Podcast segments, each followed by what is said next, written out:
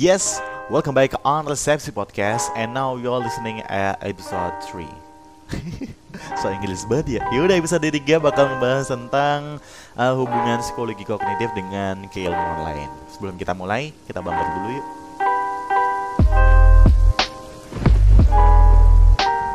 Nah, di episode ketiga kali ini gue mau ngebahas tentang hubungan psikologi kognitif dengan ilmu-ilmu lain nih. Kayak misalnya yang pertama, psikologi kognitif dengan ilmu kognitif. Dalam hati lo mesti bertanya kan, emang ada ya bedanya gitu ya? Ada banget. Ada banget, serius. Jadi ilmu kognitif ini merupakan studi anterdisiplin dan ilmiah tentang budi serta kecerdasan atau yang bisa biasa disebut dengan sense kognitif. Jadi ilmu kognitif ini meneliti tentang sifat, tugas, serta fungsi kognisi dalam arti yang luas. Nah, tujuan ilmu kognitif ini untuk memahami prinsip-prinsip kejelasan dengan harapan akan menghasilkan pengalaman yang lebih baik mengenai pemikiran serta pembelajaran. Jadi kayak bisa lah untuk mengembangkan kayak misalkan sistem pendidikan, terus juga perangkat cerdas smartphone, bahkan mungkin AI gitu ya. Itu bisa banget di studi di dipelajari di ilmu kognitif ini. Nah, psikologi kognitif kita balik lagi ya ke psikologi kognitif. Jadi psikologi kognitif ini merupakan studi tentang kognisi, proses-proses mental yang mendasari perilaku manusia. Nah, jadi di psikologi kognitif ini meliputi banyak banget subdisiplin, banyak banget subbab gitu ya. Termasuk di antaranya yaitu memori, belajar, persepsi, serta penyelesaian masalah. Oke, okay? jadi kayak hubungan antara yang saling terkait antara ilmu kognitif dengan psikologi kognitif ini ada di mana dalam ilmu psikologi kognitif lebih menekankan pada proses-proses mental yang mendasari perilaku seseorang dalam memperhatikan proses berpikir, mempersepsi, serta mencakup pengalaman emosional seseorang. Jadi kayak ya udah namanya juga psikologi kognitif pasti ada dong hubungannya sama ilmu kognitif ya kan. Ya hubungannya itu tadi.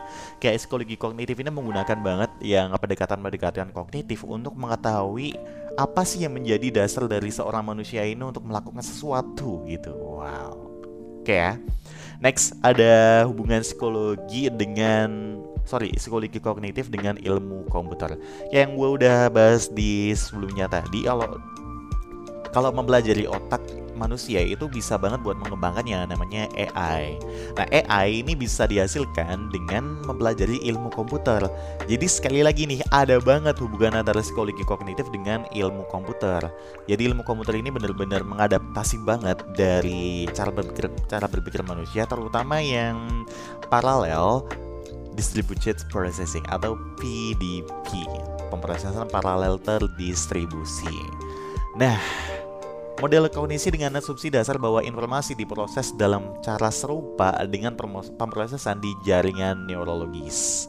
Nah, untuk yang PDP Parallel Distributed Processing ini emang gimana ya?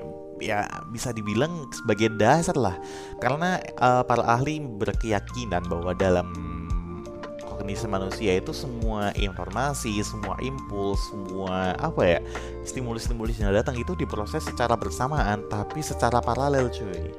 Ini beda banget sama yang kita sadari sekarang bahwa kita harus ngelakuin satu-satu dulu ini nggak bisa multitasking gitu kan. Padahal sebenarnya dalam otak kita sendiri itu udah multitasking.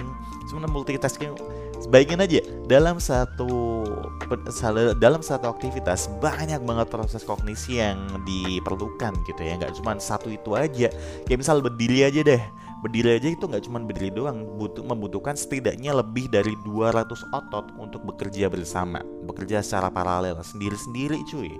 Jadi kayak kognisi juga bisa diibaratkan kayak gitu gitu ya adanya parallel distributed processing yang ada dalam otak manusia ini yang menjadi dasar untuk pemrosesan dalam ilmu komputer yang membuat mereka itu proses informasi lebih cepat banget. Bahkan kayak bisa mendekati manusia gitu ya mendekati penciptaan manusia. Bukan penciptaan mendekati pikiran dari manusia.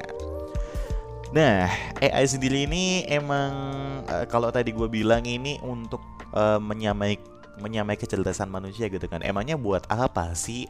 Ih buatnya banyak banget. Ini tuh emang apa ya bisa dibilang untuk membantu efisiensi kerja dari manusia itu sendiri.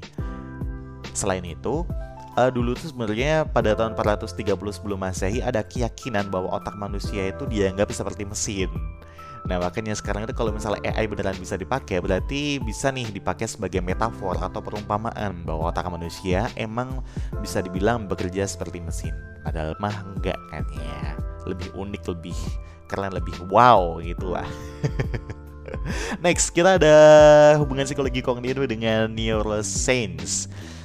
Nah, psikologi kognitif ini uh, hubungannya apa dengan neuroscience? Kita bahas neuroscience-nya aja deh neuroscience kan ilmu tentang syaraf ya kan? Dan dalam otak ini emang banyak banget syaraf-syarafnya. Jadi ke neuroscience adalah ilmu yang mempelajari tentang syaraf sedangkan psikologi kognitif adalah ilmu yang mempelajari juga tentang apa yang ada dalam otak. Jadi apa yang ada dalam otak yaitu adalah neuro atau uh, syaraf. Jadi ya ada hubungannya banget. Sekali lagi ada banget dan untuk um, sebenarnya eh, lebih tepatnya apa sih gitu kan? Kalau gue cuman bilang ada ada ada hubungannya. Ya hubungannya apa? Nah hubungan psikologi kognitif dengan neuroscience ini menjadikan sebuah bidang kajian berupa neuroscience kognitif. Jadi neuroscience kognitif ini bidang kajian yang bergerak pada struktur otak manusia dalam fungsi kognitif. Jadi di neuroscience ini bisa dipelajari banget tentang struktur pikiran, simulasi kognisi, bahkan kita bisa nih tahu bagaimana sih cara pemrosesan informasi, tahu pola pikir dan juga kemampuan berbahasa. Jadi kayak banyak banget kan. Dan emang psikologi kognitif ini mempunyai hubungan yang erat banget dengan apa tadi? Dengan ilmu komputer, ilmu kognisi, ilmu apa lagi tadi? Neuroscience ya. eh, ada banget, ada banget saling berkaitan dan itu emang nggak cuma saling berkaitan aja tapi saling membantu satu sama lain. Dan diharapkan dengan adanya keterkaitan ini bisa mengisi satu sama lain, bisa menyempurnakan satu sama lain demi terciptanya sebuah ilmu pengetahuan yang kita tahu sekarang itu bisa banget untuk membantu kehidupan kita sehari-hari. Oke, okay? kita jangan untuk episode ketiga dan bakal kita lanjutkan di episode keempat cuy. Oke okay ya, gua pamit. See you next time. Bye now.